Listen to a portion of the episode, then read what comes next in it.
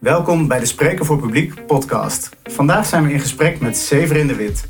Severin is oprichter van de Pleit Academie, een instituut dat zich speciaal richt op het trainen van advocaten. Tijdens het opnemen van de podcast zaten we in de tuin. Als je soms een klein ruisje hoort op de achtergrond, dan is dat de heerlijk kabbelende vijver. Laat je niet afleiden en luister mee naar de Spreker voor Publiek podcast. Ik ken jou als oprichter van de Pleitacademie. Jij hebt zelf op een gegeven moment het idee gehad... in Nederland kan men niet goed genoeg pleiten of, of iets ja. dergelijks? Ja, ik heb natuurlijk zelf heel veel gepleit als advocaat. Ja.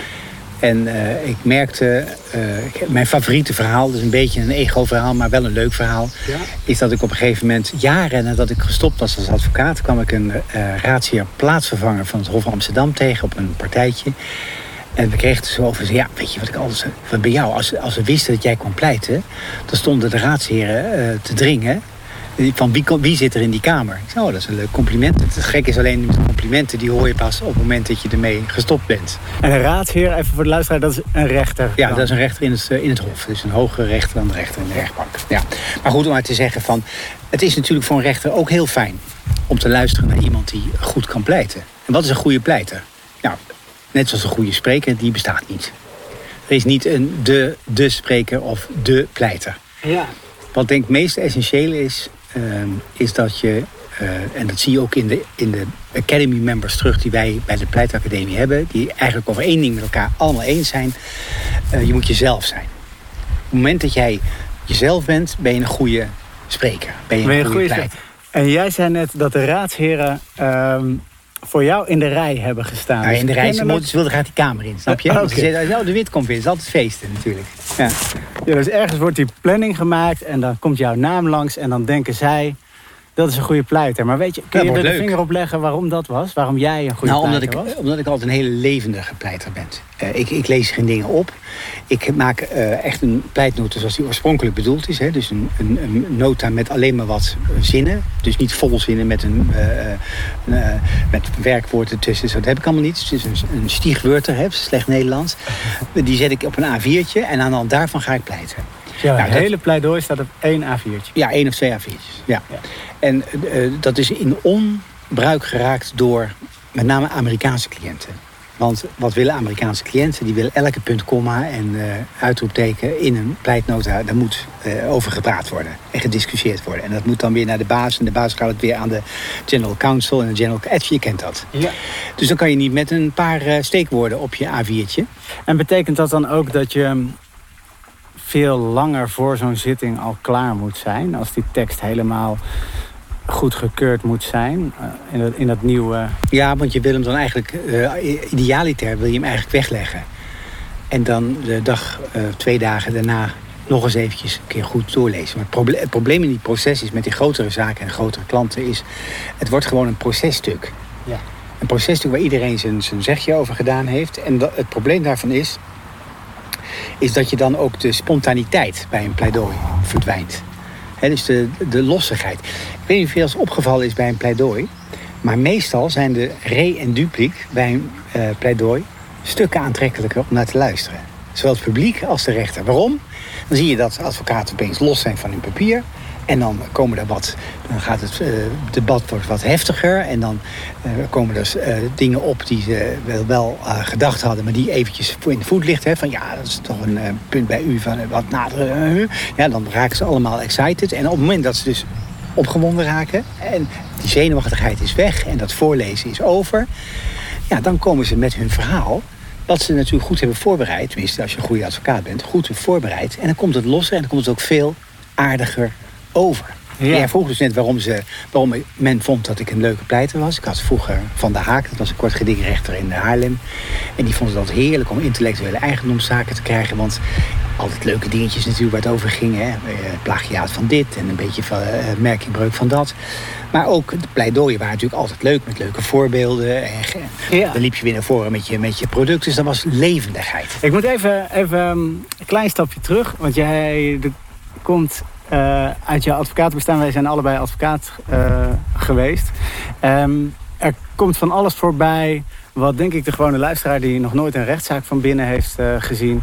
voor wie dat een soort hele spannende film is. Re en dupliek, oh ja, uh, een pleidooi. Dan zegt de rechter, heeft, heb, Jan, heb jij nog weerwoord op wat meneer De Wit gezegd heeft? En voor mij geldt, heb jij nog weerwoord op wat jij gezegd hebt? Zo moet je het eigenlijk zien. Ja, en dan wordt het pas leuk omdat ik dan eigenlijk pas echt moet gaan luisteren en loskom. En, ja. en niet meer aan het papier vastzit. Het grote probleem is, kijk, als jij een goede spreker bent voor een groot publiek, heb jij wel eens iemand die dus alles voorleest. Dan, wordt die, dan, dan gaat iemand al meteen, die denkt van, waar ben ik nu aan het luisteren?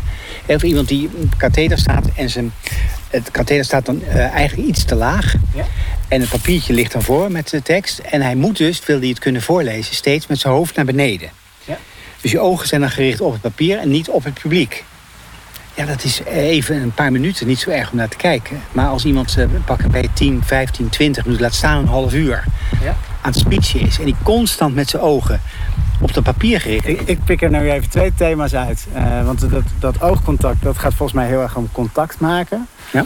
Uh, en dat je niet zou moeten lezen, heeft volgens mij ook iets te maken met in het moment zijn. En kunnen luisteren naar wat er gezegd wordt. En kunnen zien wat er nou eigenlijk gebeurt uh, achter die tafel van de rechter. Dus we hebben natuurlijk goede voorbeelden hebben wij bij de Pleitacademie. Daar zijn een paar advocaten die dat heel erg goed kunnen. Uh, en die hebben ook laten zien, daar ben ik ook geweest. Hè. In, ter voorbereiding van Pleitacademie heb ik ongeveer 30 pleidooien uh, in den landen uh, bezocht. Ja. Dus ben ik naar de rechtbank in Maastricht geweest, maar ook in Groningen. En daar was eigenlijk in het algemeen slecht gepleit. Dus, dus voorlezen.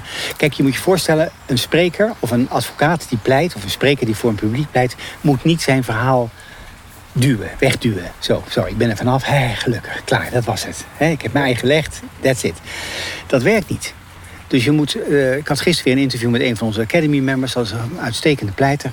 En die zei ook van... En daar was ik, ben ik het grondig mee eens. Hij zegt, eigenlijk zou je gewoon een goed pleidooi... kunnen beginnen met... Beste rechter, zullen we beginnen met... Waar, wat voor vraag heeft u nog als u die, al die stukken gelezen heeft? U kent de posities van partijen. Wat is nou eigenlijk iets waar u nog uh, mee zit, als ik het zo mag zeggen. Ja, maar dat is natuurlijk eng. Want dan word je als pleiter, dan moet je dus durven vragen naar de zwakke plekken in je eigen processtukken. Ja, maar dat is helemaal niet eng, hè? Dat is heel erg goed juist. Dat is, het, dat, is, dat, is wat een goede advocaat doet. Het zit hem allemaal in die voorbereiding. Ja. En dat moet je ook aan die cliënt kunnen uitleggen. En zeggen van luister, als we alleen maar uh, uh, uh, vertellen wat voor, van, van, hoe geweldig jij bent... en wat voor fantastische zaak je hebt, dan gaan we geheid verliezen. Dus je moet onder ogen zien uh, dat, uh, zoals een oude leraar van mij hè, in de advocatuur het altijd zei... hé hey, jonge advocaat, daar bedoelde hij mij mee... niet iedere cliënt die gelijk heeft, komt bij jou. Ja. Daar moet je natuurlijk even over nadenken. Hè? Maar als je erover nadenkt, denk je, ja, dat is ook zo. Iedereen komt met zijn eigen verhaal waar de sterke en de zwakke punten in zitten. En word je dan verrast als je dat doet? Ja, natuurlijk word je verrast. Maar dat, dat, als het goed is, word je niet echt verrast in de zin van dat je je niet hebt voorbereid. Want dan heb je iets niet goed gedaan. Hè? Dan, dus het is wel belangrijk dat je ook je zwakke kant, juist je zwakke kanten aanpakt. Ik wil eigenlijk twee eh, vragen stellen. Eentje die is van wat langer geleden. Jij zei net, ik ben 30 pleidooien afgeweest. Dus ik wil wel even kijken of er ergens een smeuig verhaal zit... van het allerslechtste wat je daar gezien hebt. Ehm, maar wat je nu zegt, dat raakt uh, ook ergens een snaar. Want dan zeg je, uh, niet elke klant heeft een winnende zaak of een, of een goed verhaal. Vind jij dat je met je klant moet meegaan in zijn verhaal? Of vind je dat je af en toe tegen je klant moet zeggen van... joh, we gaan het toch anders doen dan dat je nou, dat laatste, maar ik zou niet zeggen dat hij het anders moet doen. Je moet gewoon een realiteit uh, onder ogen zien en tegen de klant kunnen zeggen en overwicht hebben.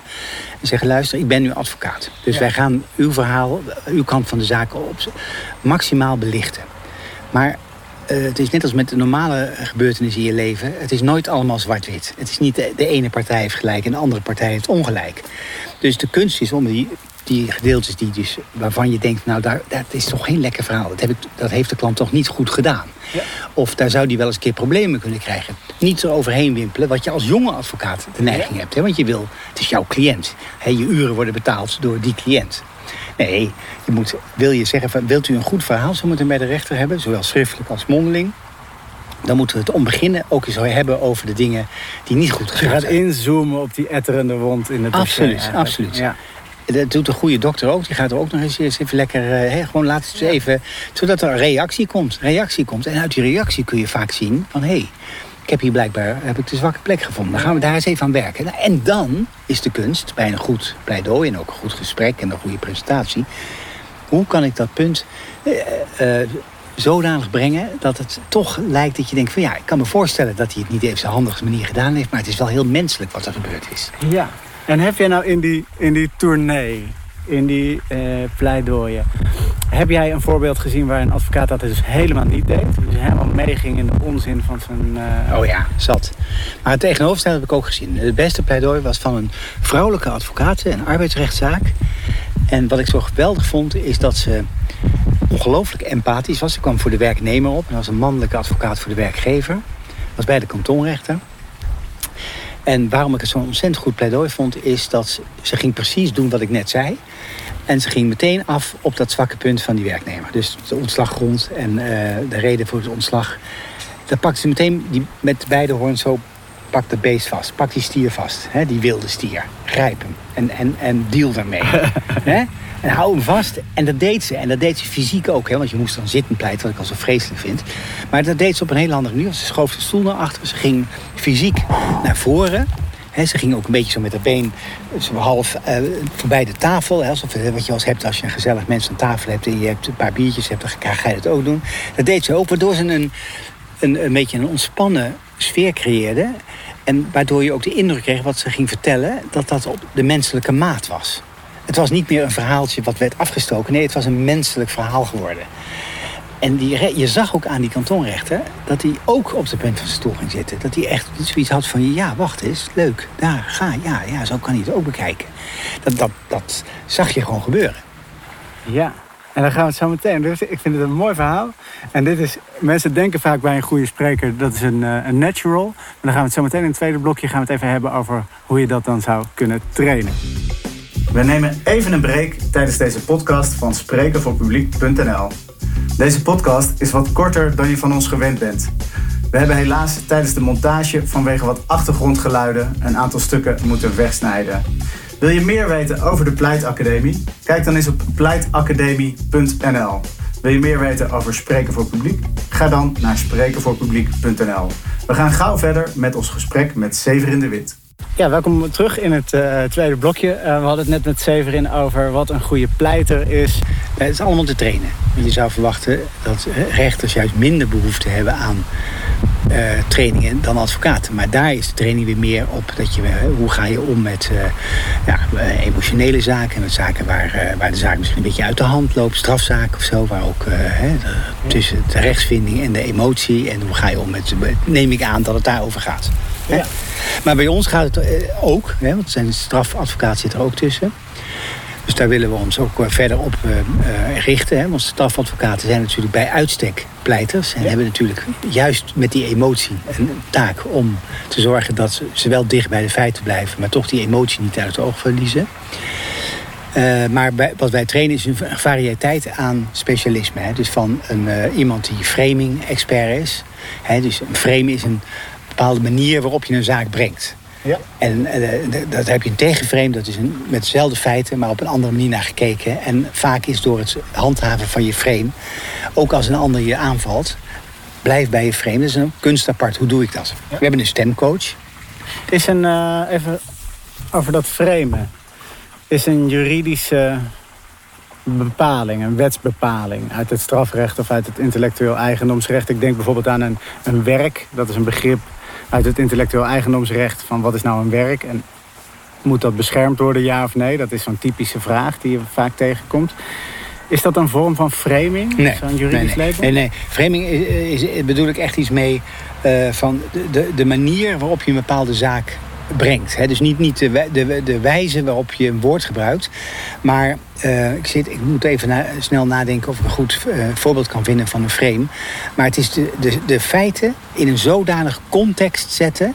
dat ze passen bij dat verhaal wat je wil neerzetten. Laat ik het zo formuleren. En dat hoeft niet de totale werkelijkheid te zijn. Het kan zijn dat je bepaalde feiten die gebeurd zijn... Uh, minder prominente rol geeft, omdat dat niet past in jouw verhaal. Ja. Nou, de kunst is natuurlijk... Vreemden worden rechters over het algemeen een tikkeltje zenuwachtig van. Juristen in het algemeen. Omdat bij vreemden uh, beeld ontstaat van... Uh, oh, dat zal wel uh, gefabriceerde zijn. Hè? Het is fake, slecht, gefantaseerd nieuws of zo. Maar ik kan aanbevelen voor degene die er wat meer over wil weten. We hebben natuurlijk een van de Academy members is een framing-expert. Daar hebben we ook een interview mee op. Sarah Gagenstein. Daar hebben we ook een interview mee op de website staan. Dus die geeft, kan ook heel goed uitleggen wat framing doet. Maar, ze heeft een boek geschreven ook, Ze heeft een boek geschreven. We doen even de promo van... Uh... Ja, ze is, heel, ze is heel actief. Ze wordt ook regelmatig door allerlei gremia wordt ze geïnterviewd. Van ja. uh, uh, hele variëteit aan klinten. Maar dan hebben we dus hebben het over framing. Maar we, we, doen, we hebben ook echte presentatiecoaches. Ja. Hè, zoals Roeland en Machteld, de, nieuwe, de nieuwste Academy member. Ja. we hebben, we hebben iedereen Iedereen heeft zijn eigen manier van optreden, maar wel zo allemaal een beetje in dezelfde trant van pleitacademie, namelijk gericht op de advocaat. Ja, ja. en is het dan zo dat jij uh, zegt van nou, als je als advocaat echt de full package wil hebben, dus dat je alles goed doet op het gebied van lichaamstaal, stemgebruik, framing, uh, misschien wel de voorbeelden die je kiest, uh, je structuur die je gebruikt. Moet je daar eigenlijk allemaal aparte trainingen voor volgen? Of, kun je dat, of is het gewoon goed om af en toe één invalshoek te pakken en te kijken van valt daar wat? Het ligt er een beetje aan wat je wilt. Hè? Als je zegt van ik ben bijvoorbeeld een jonge advocaat en ik wil eigenlijk toch uh, bepaalde vaardigheden leren die ik kan gebruiken bij mijn toekomstige pleidooien. Dan kan je dat heel technisch doen op een aspect. Bijvoorbeeld stemgebruik. Hè? Iemand die bijvoorbeeld te hoog in de stem zit, daar hebben veel vrouwen last van. Uh, maar ook mannen, is dat je als je te hoog in een stem zit, is het voor de luisteraar minder aangenaam ja. de, te luisteren dan iemand die in een wat lagere toonzetting zit. Zou dat zelfs gevolgen hebben voor de mate waarop je serieus genomen wordt? Of? Ook, kan. De psychologen hebben duidelijk link gelegd tussen de manier waarop je iets brengt qua stem. Dat als een aangename stem is, dan, stem, dan heb je eerder de neiging om het voor waar aan te nemen als dat je al wij spreken je focus dan al op de stem. En als je je irriteert, dan luister je helemaal niet meer naar de boodschap. Maar dan luister je alleen nog maar naar die irritante stem. Ik weet niet of je dat ook wel eens hebt op de radio. Dan heb je soms stemmen dat je denkt van ja, ik kan hier gewoon echt niet meer naar luisteren. Ja. Of een juiste stem, zoals gisteren had ik bij BNR een dame van uh, een grootste kalf, kalfsvleesverwerkende industrie. Ik ben de naam even vergeten. Fantastisch. Uh, aangename stem, uh, to the point. Uh, geen utjes, he en he en oh, even denken en stiltes. Nee, mooi, goed gepolijst, maar over niet onecht. Top. Dus toen dacht ik, die heeft, dat kan niet anders. Of een natuurtalent, of die heeft een, uh, ja, wel niet bij de pleitacademie, maar misschien bij Spreken voor Publiek wel een cursus gevolgd. dat zou zomaar kunnen. ik, ik, ik, ken haar niet.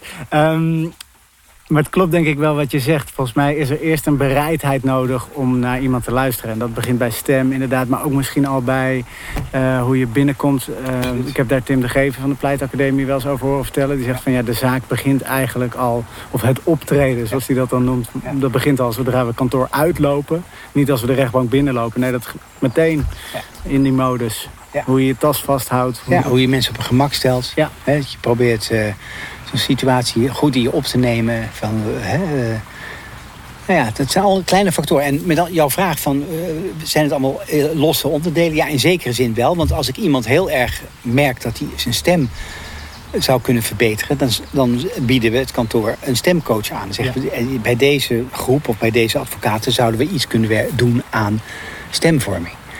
Maar is het bijvoorbeeld meer een kwestie van empathie of zo tonen. Dat is een kwestie van, ja, hoe train je dat? Door gewoon alles maar door. Dezelfde nog eens een casus doen, opnames te maken, terug te spoelen. In een groep van wat valt je nou op. Hè? En binnen een kantoor is het ook gemakkelijker, want dan is het minder confronterend. Hè? Dan kun je, dat je bent toch kantoorgenoot, dus je kan, van elkaar kan je goed leren. Ja, of je bent een ervaren advocaat. En dan gaan we, dat heet dan fly on the wall. Dan gaan we mee, eh, net als een vlieg aan de muur. Dan, niemand weet dat jij daar voor wat voor reden jij zit. En je komt later terug van een meeting of een pitch of een pleidooi. En dan ga je met die advocaat, wat is, nou, wat is je opgevallen? Wat zou ik volgende keer beter kunnen doen? Ja. En op die manier kijken of we kunnen verbeteren. Echt maatwerk wordt het dan. Ja. Ik zit een beetje te denken dat toen ik advocaat was was het gewoon staande praktijk van cursussen even tussendoor. Want het is druk, er is werk. nou, we hebben een, huurzaak lopen, dus doe maar even verdiepend huurrecht. Ja. Of daar krijg je dan ook punten voor. Want de punten voor een cursus pleiten. Die zijn er ook, hè? Die zijn er ook, maar daar... Elke, uur, elke uur training is één punt, hè? We zijn ook erkend door de Nederlandse Orde van uh, Advocaten, zoals je weet. Dus we, krijgen, we mogen ook adverteren met punten. Dus we zeggen ook van als een training zes uur duurt... dat is gemiddeld het aantal uren per dag dat getraind wordt... krijg je er zes punten voor. Ja. Die net zoveel waard zijn als een punt voor een materieel recht. Voor, dus voor het inhoudelijke recht. Ja, en toch zijn er dus in die kopies van die advocaten en in mijn tijd ook als advocaat is het toch het oordeel van nou, het is allemaal niet zo nuttig of in ieder geval niet urgent om hier nu tijd aan te besteden.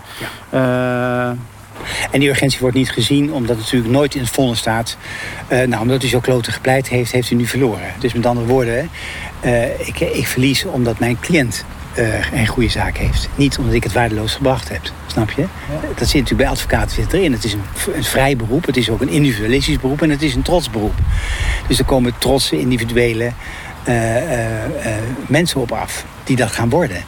En die over het algemeen, het is normaal veel uitzonderingen, over het algemeen qua eenling aan het werk zijn. Hè? Dus weliswaar in een team, maar je begrijpt wat ik bedoel. Hè? Het is niet zoals wij je constant je manager op te zeggen van nou jongens, ik wil eigenlijk volgende keer zou ik toch liever zien dat je dat en dat doet. Dus er zijn weinig, laat ik het zo zeggen, er zijn weinig mensen die je in de advocatuur tegenspreken, behalve de rechter.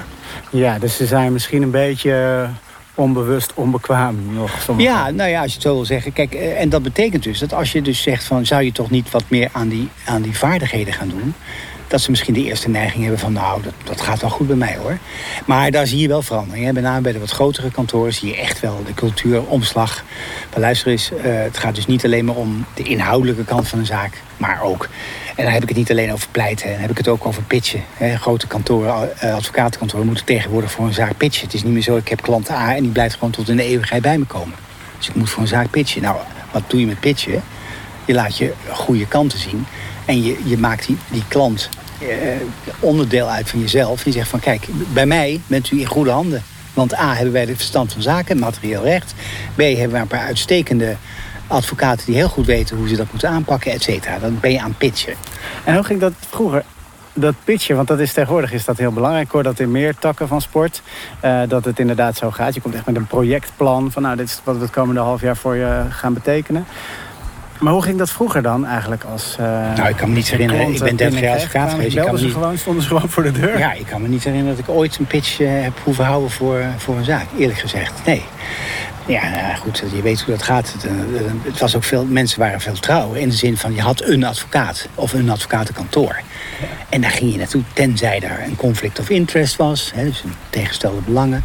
Of dat er iets echt grandioos mis is gegaan. Maar er was eigenlijk normaal gesproken geen reden om naar een andere advocaat te gaan. Maar nu, ook door die specialisatie. Is de status van de advocaat ook aan het veranderen? Dat je, dat je vroeger bleef je bij je advocaat. Om, nou ja, de advocaat, net zoals de dokter, die zal wel gelijk... en dat is uh, iemand met status, die zal wel gelijk hebben. Ja, maar weet je, dat zie je toch in onze maatschappij ook. Mensen zijn niet meer zo vreselijk eh, gevoelig voor status. Nee. Nou ja, ik wil niet zeggen dat dat... Uh, uh, je ziet wel bij grote Amerikaanse buitenlandse ondernemingen... Dat de general counsel de neiging heeft om naar een groot kantoor te gaan. Al was het maar omdat als het fout gaat... hij tegen de baas kan zeggen van luister, ik ben niet naar kantoor in en niks kwaads hoor, bij de way. In Berg op Zoom gegaan. Niks kwaads over Berg op Zoom natuurlijk. Maar je begrijpt wat ik bedoel, hè? Dat kan een uitstekende advocaat zijn. Misschien was hij zelfs inhoudelijk wel beter dan dat grote Zuidaskantoor. Maar ja, ga jij maar uitleggen aan je Amerikaanse baas... dat je naar een advocaat in, uh, uh, in een kleiner kantoor gaat. niks gezegd over de kwaliteit, maar zo wordt het natuurlijk wel gepercipieerd.